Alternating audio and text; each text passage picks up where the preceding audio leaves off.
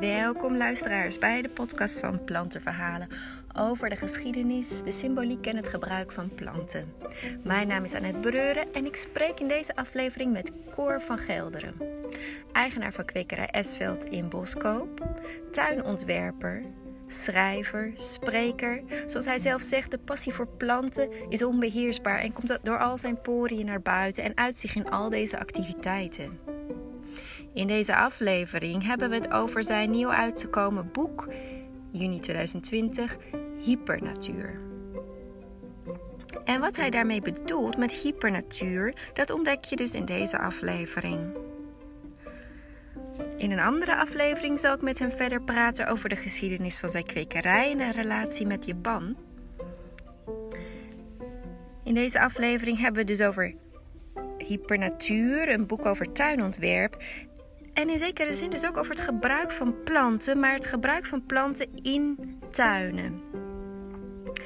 Het is algemeen bekend dat het groen vaak rust geeft aan ons. Maar tuinen, daar die doen nog veel meer met ons. Heel veel mensen houden van tuinen. We kunnen er onze lichamelijke energie wat in kwijt. Misschien een behoefte aan ordening en controle. En misschien een fascinatie voor die verandering in die tuin. Voor het zien van het leven. Het is dan ook zo dat in vele culturen wereldwijd de natuur maar verenigd in een boom het symbool is van het leven en niet zomaar het leven, van eeuwig leven. In bijna alle paradijzen, in alle culturen, alle religies staat een boom. Een paradijs is geen paradijs zonder boom, toch? Dus mijn verhaaltjes in deze aflevering gaan over paradijselijke bomen.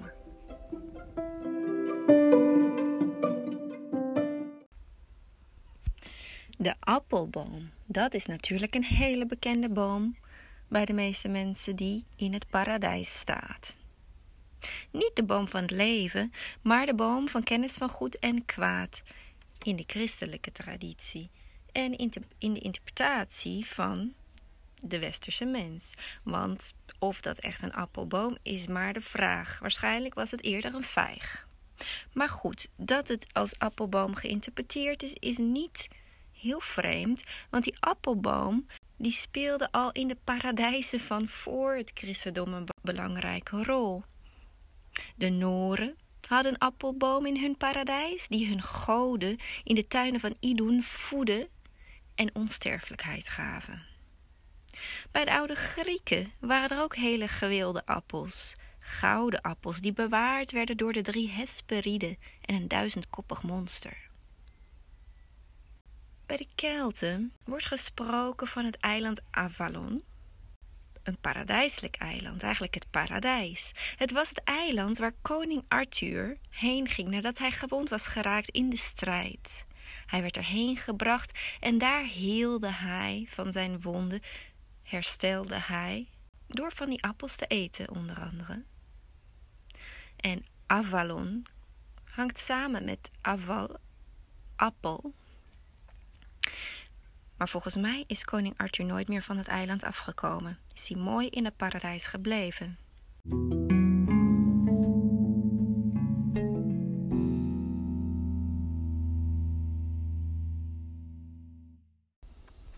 Er is ook een Fries sprookje over een koning die heel graag die appels ook wilde hebben uit Avalon, uit het paradijs. Want hij dacht ook: ik moet elke dag appelschijven eten. Een appelschijf houdt de dokter van het lijf. Dus hij droeg zijn drie zonen op om die appels te bemachtigen. En hij beloofde: Wie mij die appels weet te brengen, die kan mij opvolgen. Nou, de oudste zoon bracht snel zijn zeilboot in gereedheid en zeilde erheen naar het eiland toe, naar Avalon. Maar hij had enorme tegenwind en het lukte hem niet het eiland te bereiken. De tweede zoon, de middelste zoon, bracht ook zijn zeilboot in gereedheid en dacht slim te zijn. Hij zeilde achter om het eiland heen. Maar toen hij er eenmaal achter was, was het in één klap windstil. En het lukte hem niet het eiland te bereiken. De derde zoon, de jongste zoon, als een goed Fries, wachtte tot het vroor, bond zijn schaatsen onder en over het ijs schaatste hij naar het eiland toe. Maar ook hij wist het eiland niet te bereiken, want hij werd teruggeblazen. Ook hij had tegenwind. Maar door de wind vielen er ook appels op het ijs, rolden er appels naar hem toe. Hij wist ze te pakken, bracht ze naar zijn vader, de koning, en volgde hem op.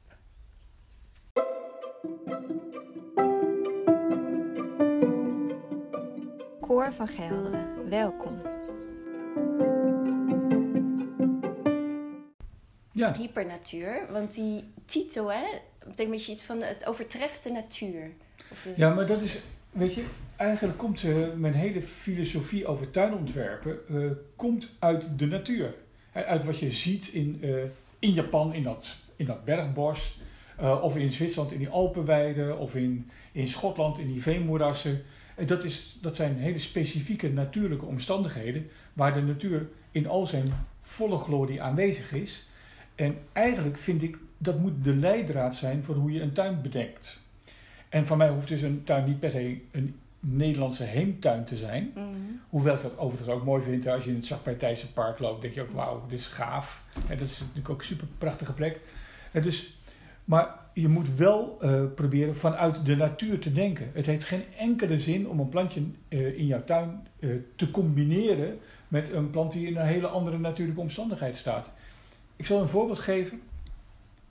Een tijdje geleden werd ik erbij geroepen om een soort second opinion te geven over de kwaliteit van een aanplant. En ik kom bij die mensen aan en eerlijk gezegd, ik schoot in de lach. Ik denk, nou, ze gaan toch niet mee dat ze me hier echt voor gebeld hebben, omdat ze twijfelen hadden of het wel goed ging. Want dit kan natuurlijk iedereen zien dat het niet goed gaat. Wat hadden ze nou gedaan? Ze hadden een, een heel strak tuinontwerp gemaakt met lange rhododendronborden, afgezoomd met drie rijen lavendel. Dan denk ik, dit is lachwekkend. Rhododendron, koel bos, Ja. eh, humusrijke grond, eh, voldoende vocht. Lavendel lekker bakken in de zon, in de Mediterranee. Weet je, dat is gewoon totaal iets anders. Hele andere omstandigheden. Die planten vind ik dus ook helemaal niet bij elkaar passen. Niet qua uiterlijk, niet qua sfeer. En ook dus niet qua omstandigheden. Eh, Ze gaan het dus ook niet allebei doen. Of de een, of de ander, maar nooit allebei. Dus het is super belangrijk, vind ik, als je een, een tuin ontwerpt, om na te denken over wat voor omstandigheden heb ik, welke planten horen erbij, welke plantengemeenschap hoort daarbij, en daar je beplanting mee te maken. Nooit tegen de natuur inwerken, met de natuur meewerken. Maar of die plantjes dan uit Nederland komen, uit Japan, uit de Verenigde Staten, uit Frankrijk, het zal me een zorg zijn, eerlijk gezegd. Want overal in de wereld heb je hele leuke natuur. En daarmee kan je ook gaan intensiveren. Je kan het net iets mooier maken dan dat bos van zichzelf zou zijn geweest. Door gewoon net even iets meer variatie aan te brengen. Net iets kleurrijker, net iets gezelliger, net iets vrolijker. En dan wordt het dus een verbeterde versie van de natuur. Hypernatuur. Ja, dat dus. Ja. Ja. Leuk, en in het boek staan allerlei voorbeelden. Het is eigenlijk een beetje gericht op mensen die zelf hun tuin willen ja, Ja, het is, verbeteren het- dus. ja. Hoe, hoe kom ik aan dit boek? Dat is ook wel, ehm, hoe gaan dat soort dingen? Nou, eigenlijk begon het ermee dat eh, Koos van Beuzenkom, de uitgever eh, van Forte, Forteboek in, eh, in Baren, eh, mij vroeg of ik een boekvorm wilde maken. Ik had al een paar eerdere boeken voor hem geschreven. Eentje over herfstkleuren en eentje over schaduwplanten. Maar dat ik er nu eentje wilde doen over mijn eigen tuinontwerpen. Nou, ik zeg, Koos, ik weet niet of dat nou wel zo'n heel briljant plan is. Want ehm, hoe leuk zijn dat soort boeken eigenlijk? Vaak is het, nou, het, het neigt er soms toe, de goede uitzonderingen daar gelaten, want er zijn gelukkig hele goede uitzonderingen, maar het neigt er natuurlijk vaak toe dat eh, de schrijver, ontwerper dan van zichzelf zegt van, kijk, hoe goed heb ik dit wel niet gedaan de laatste tijd. Het is eh, ja, een beetje een soort Ja. borstklopperij. En dan wordt het een soort eh, veredelde reclamefolder. Nou, daar, daar, daar moest ik niet aan denken. Maar eh, hij nou, hij was best vasthoudend in zijn idee. Dus ik denk, ik ga er toch over nadenken uh, hoe ik dat dan zou kunnen doen. Op wat voor manier ik dat zou kunnen doen. Dat het uh, niet alleen voor mezelf leuk is, maar dat het voor een ander ook interessant is. Hè? Dat het voor de lezer ook interessant is. Um, en dat was best een, een, een, beetje een zoektocht. Want ik wilde uh, prima tuinen laten zien die ik heel inspirerend heb gevonden. van, andere, van andere ontwerpers. Uh, en ook natuurlijk tuinen van mezelf, die waar ik uh, blij en tevreden over was. Maar er moest ook uh, uitgelegd worden, hoe kom je dan van punt A, het lege vel, tot die tuin? dat, hoe doe je dat? Wat is het proces waarin je, waarin je dat, dat kan doen? Als je eerst begint met de esthetiek en als slotstuk nog eens even gaat bedenken of het wel praktisch is, ja, dan ben je een beetje het paard achter de wagen aan het spannen. Je moet in mijn beleving altijd eerst nadenken: wat is de functie van de tuin? Wat wil ik erin? Uh, hoe ga ik de ruimte gebruiken? Hoeveel kliko's moeten er staan? Weet je, dat soort hele basale, pragmatische dingen gaan hmm. voor. En dan wil je natuurlijk niet dat die kliko helemaal achter in je tuin staat en dat je die door dat eindeloos lang greenpad naar voren moet zien te trekken elke week weer. Want dan ben je na twee keer wel zat. Yeah. Dus het, uh, vanuit de praktijk gedacht kan je daarna uh, wel eens aan het, aan het vormgeven gaan werken. In mijn beleving is een tuin voor een belangrijkste deel de planten. Vormgeving doe je niet met stenen, vormgeving doe je met planten. Ja. Sprak hij streng. Goed, ja. ik heb het samen met mijn uh, dierbare vriend Wouter van der Tol gemaakt. Hij is een uh, hele begenadigde uh, fotograaf. Hij kan veel beter tuinen fotograferen dan ik het ooit zal kunnen. Uh, ik kan aardig plantjes fotograferen, maar hij is een hele goede tuinfotograaf. Uh, en we gingen samen, uh, ik had een lijstje gemaakt van tuinen die ik wilde zien. En dat een stuk of 25 tuinen. Denk, nou, die moeten sowieso in het boek. en die gingen we af. Door zijn een paar jaar mee bezig geweest om die goed in beeld te brengen. En in eerste instantie dacht ik, ja, maar wat hebben die tuinen nou in Vreesdam gemeenschappelijk? Weet je, of het nou een prairietuin in, in, in Zeeland, het vlakke land. wat, is het, wat is de overeenkomst met die mooie bostuin in Normandië. Weet je, ik, totaal verschillende tuinen. Ik vind ze altijd fantastisch, maar waarom vind ik ze allebei fantastisch? En daar heb ik dus best een tijd uh, op zitten knagen in mijn hoofd. Van wat is dan de, de gemeenschappelijke mhm. grond die ze hebben? Wat is de, de common ground? Het, uh, de grootste gemene deler. En de grootste gemene deler zit dus in die natuurlijke samenhang. In grote lijnen heb ik het boek in tweeën gesplitst. Ik had het in eerste instantie nog veel ingewikkelder gemaakt, veel genuanceerder. Het is droge schaduw, natte schaduw, een lichte schaduw, een zware schaduw. Elke mensen, het werd er zo gecompliceerd van. dus dat, dat vind je in de tekst allemaal nog wel terug, maar de hoofdindeling is in tweeën. Dus je kan voor een zorgentuin of voor een schaduwrijke tuin gaan. En uh, dat, dan behandelt het echt vervolgens weer ook uiteindelijk al die planten die je daarvoor kan gebruiken. En vertelt daar dan weer wat over. En dat is dan wel ja, dat loopt bij mij altijd helemaal uit hand. Behoorlijk uitgebreid gebeurd.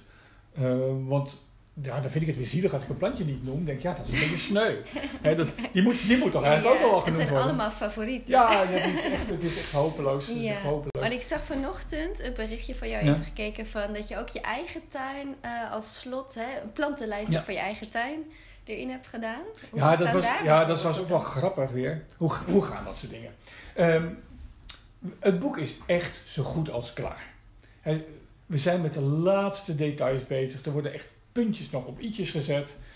En Helene Lesger, uh, mijn uitgever, uh, die onwijs uh, betrokken is bij, het, bij de productie van dit boek, die belt me op van: Ja, Cor, ik wil eigenlijk toch ook nog wel graag een paar ontwerptekeningen erin. Kan je niet nog even een paar ontwerptekeningen van je eigen tuin erbij zetten?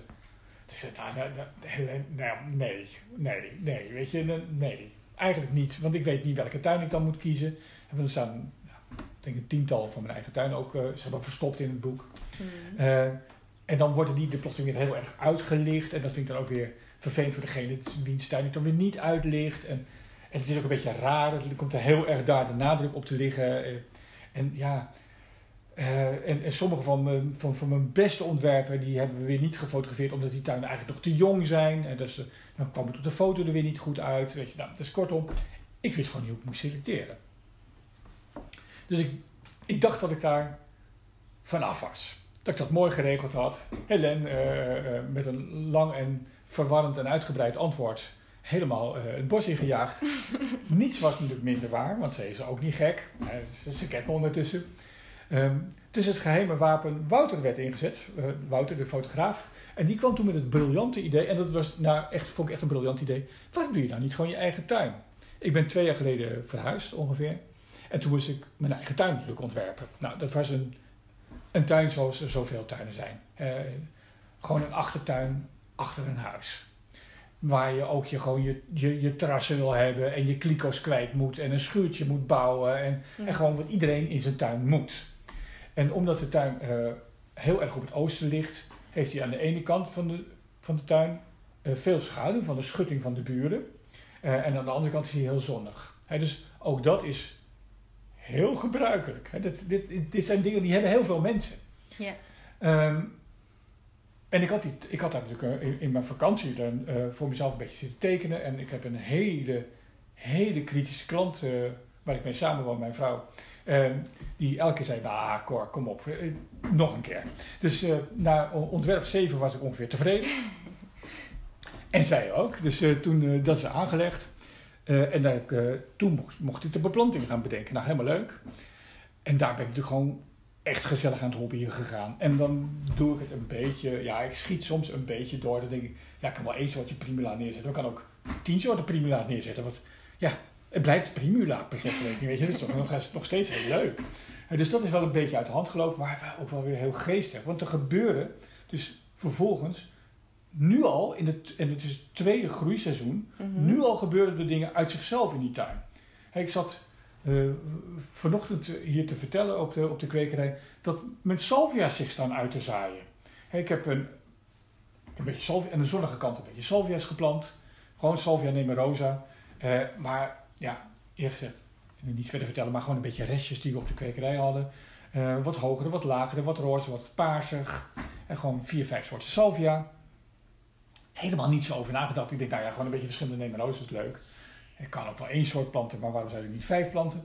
Uh, en nu zie ik dus over Sofia-zaaidingetjes staan, die natuurlijk ook allemaal weer het product zijn van die ouders. Ja. En die gaan dus ook allemaal weer een beetje verschillend worden. Ja. ik vind het nu alweer leuk. Ik, vind, ik, denk, oh, dat gaat vast even het leukste te komen. Ja, ja, ja. En dus dat vind ik heerlijk uh, als dat gebeurt.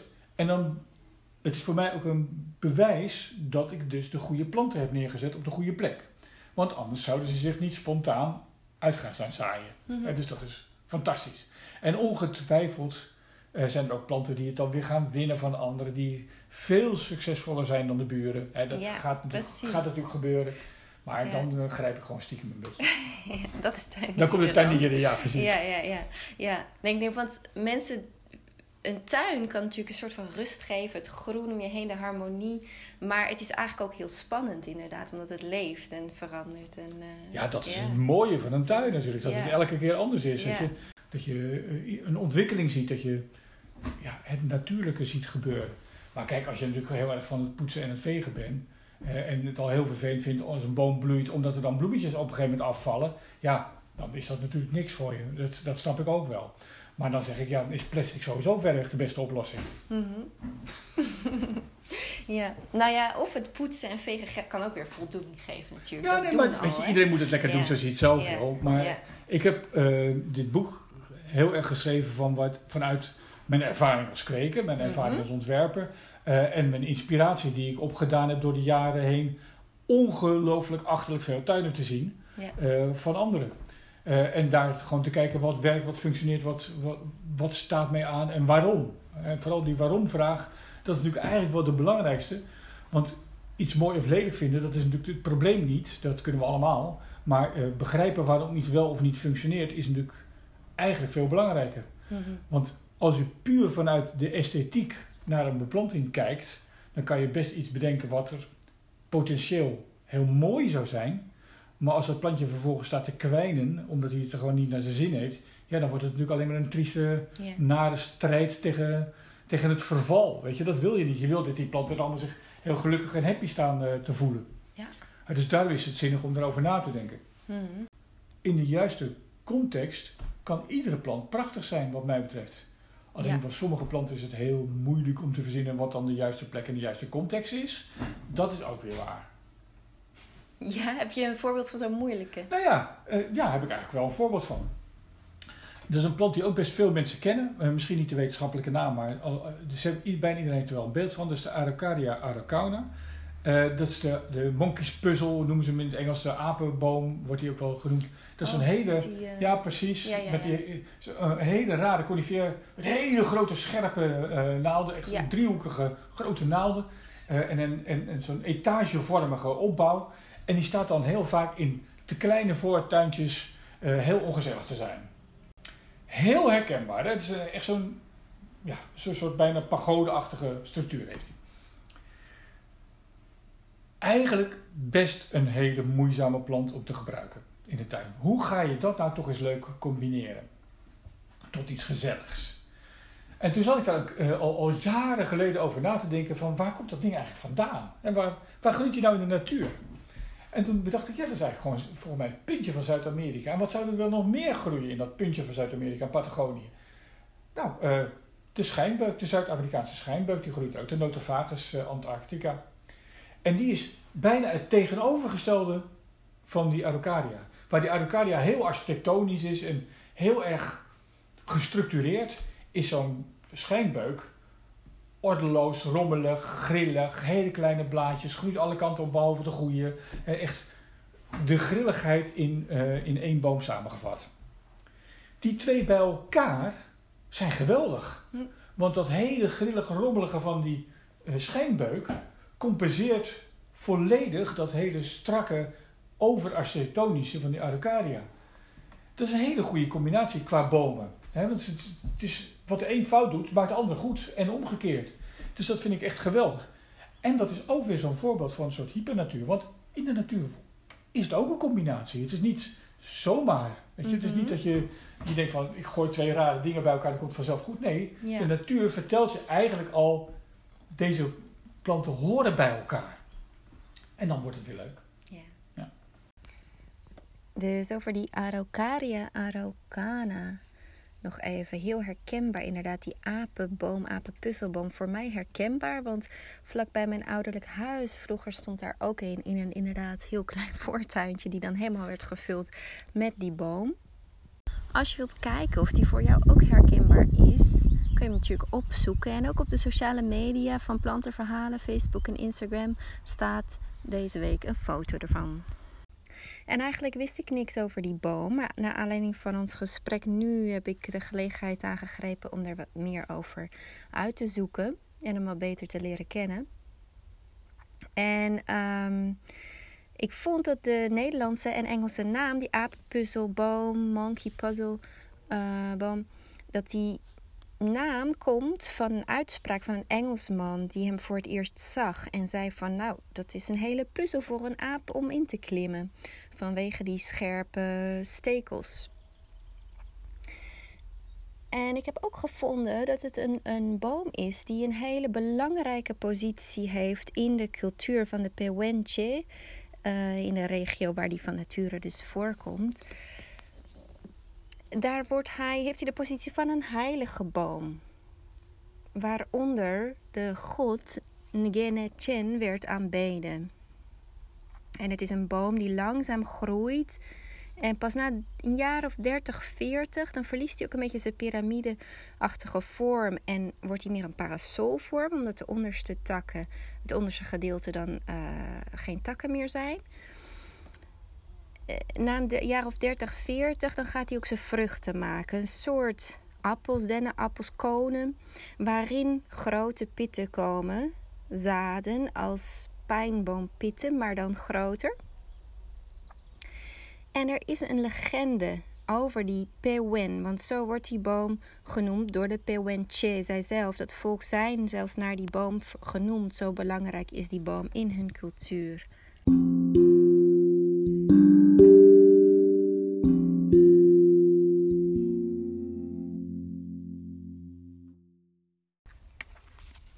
De legende gaat als volgt. Lang, lang geleden, in het barre land van de Pehuenche, Patagonië, was er een enorme lange winter. Het land was bedekt met sneeuw De rivieren waren bevroren. De vogels waren weggemigreerd, geëmigreerd. En de bomen leken te wachten op de lente. Het land sliep. En God, Negentje, leek ook te slapen. Want hij verhoorde niet de smeekbeden van de mensen die honger leden. Ze leden zoveel honger dat de kinderen en de ouden van dagen bij bosjes stierven. En Lonko, het opperhoofd van de gemeenschap, vroeg aan alle nog wat sterkere mensen om het gebied uit te gaan, verder weg te zoeken naar voedsel. Iets te eten moesten ze hebben om te overleven. Een jonge man van de Pewentje trok daarom ook de bergen in. Maar die bergen waren ook bar en schraal en hij kon niks te eten vinden. Hij liep dagenlang te zoeken en hij schaamde zich, want hij moest met lege handen terugkeren. Maar op die terugweg kwam hij een oude man tegen die niet van zijn volk was, want hij kende hem niet. En de oude man vroeg hem: Waar ben je naar op zoek? Nou, naar eten natuurlijk. Maar waarom neem je dan niet van de pignons van de Pewen, de zaden van de Pewen? Zijn die niet goed genoeg voor je? En de jongeman was verbaasd, want die kan je toch niet eten? Die zijn toch giftig? Dat komt van de boom van God Chen. Volgens mij is het verboden om die te eten. Ach nee, zei de man, helemaal niet. Je moet ze alleen koken in voldoende water of roosteren in het vuur of fermenteren om er een drank, de chawi, van te maken. En als je ze onder de aarde bewaart, kan je ze nog heel lang bewaren ook. En met één enkele koon kan je al een hele familie voeden. Met deze kennis keerde de jongen terug naar zijn volk en hij vertelde wat er gebeurd was aan het opperhoofd. Hij was een tijd stil, dat opperhoofd, Lonko, en tenslotte zei hij: Die oude man, dat kan niemand anders zijn dan Gene Chen, God zelf. Hij is naar beneden gekomen om ons te redden. Laten we van zijn geschenk, die pignones, die zaden van de Pewen, gebruik maken. En sindsdien heeft de Pewentje nooit meer honger geleden. En is de Pewen, die heilige boom, het symbool voor hen geworden van leven.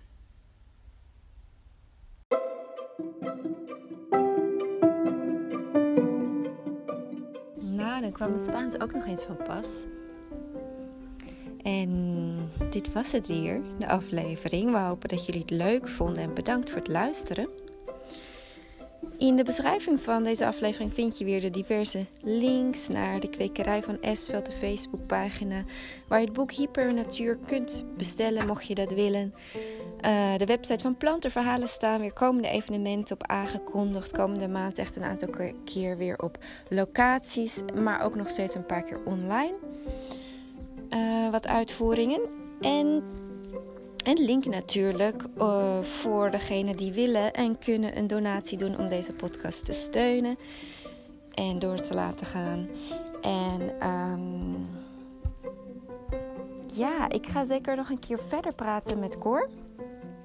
En uh, dan meer over zijn kwekerij en de geschiedenis daarvan en van kwekerijen in Nederland. En dat is tegelijkertijd ook daar zit een relatie met Japan in en de opkomst van siergewassen of planten uit Japan als siergewassen in Nederland. En daar zal ik ook een Japans verhaal bij vertellen. Oorsprongsverhaal van de theeplant. Maar dat over een paar weken. Volgende week eerst een andere gastspreker. Maar dat is nog even een verrassing. Tot volgende week.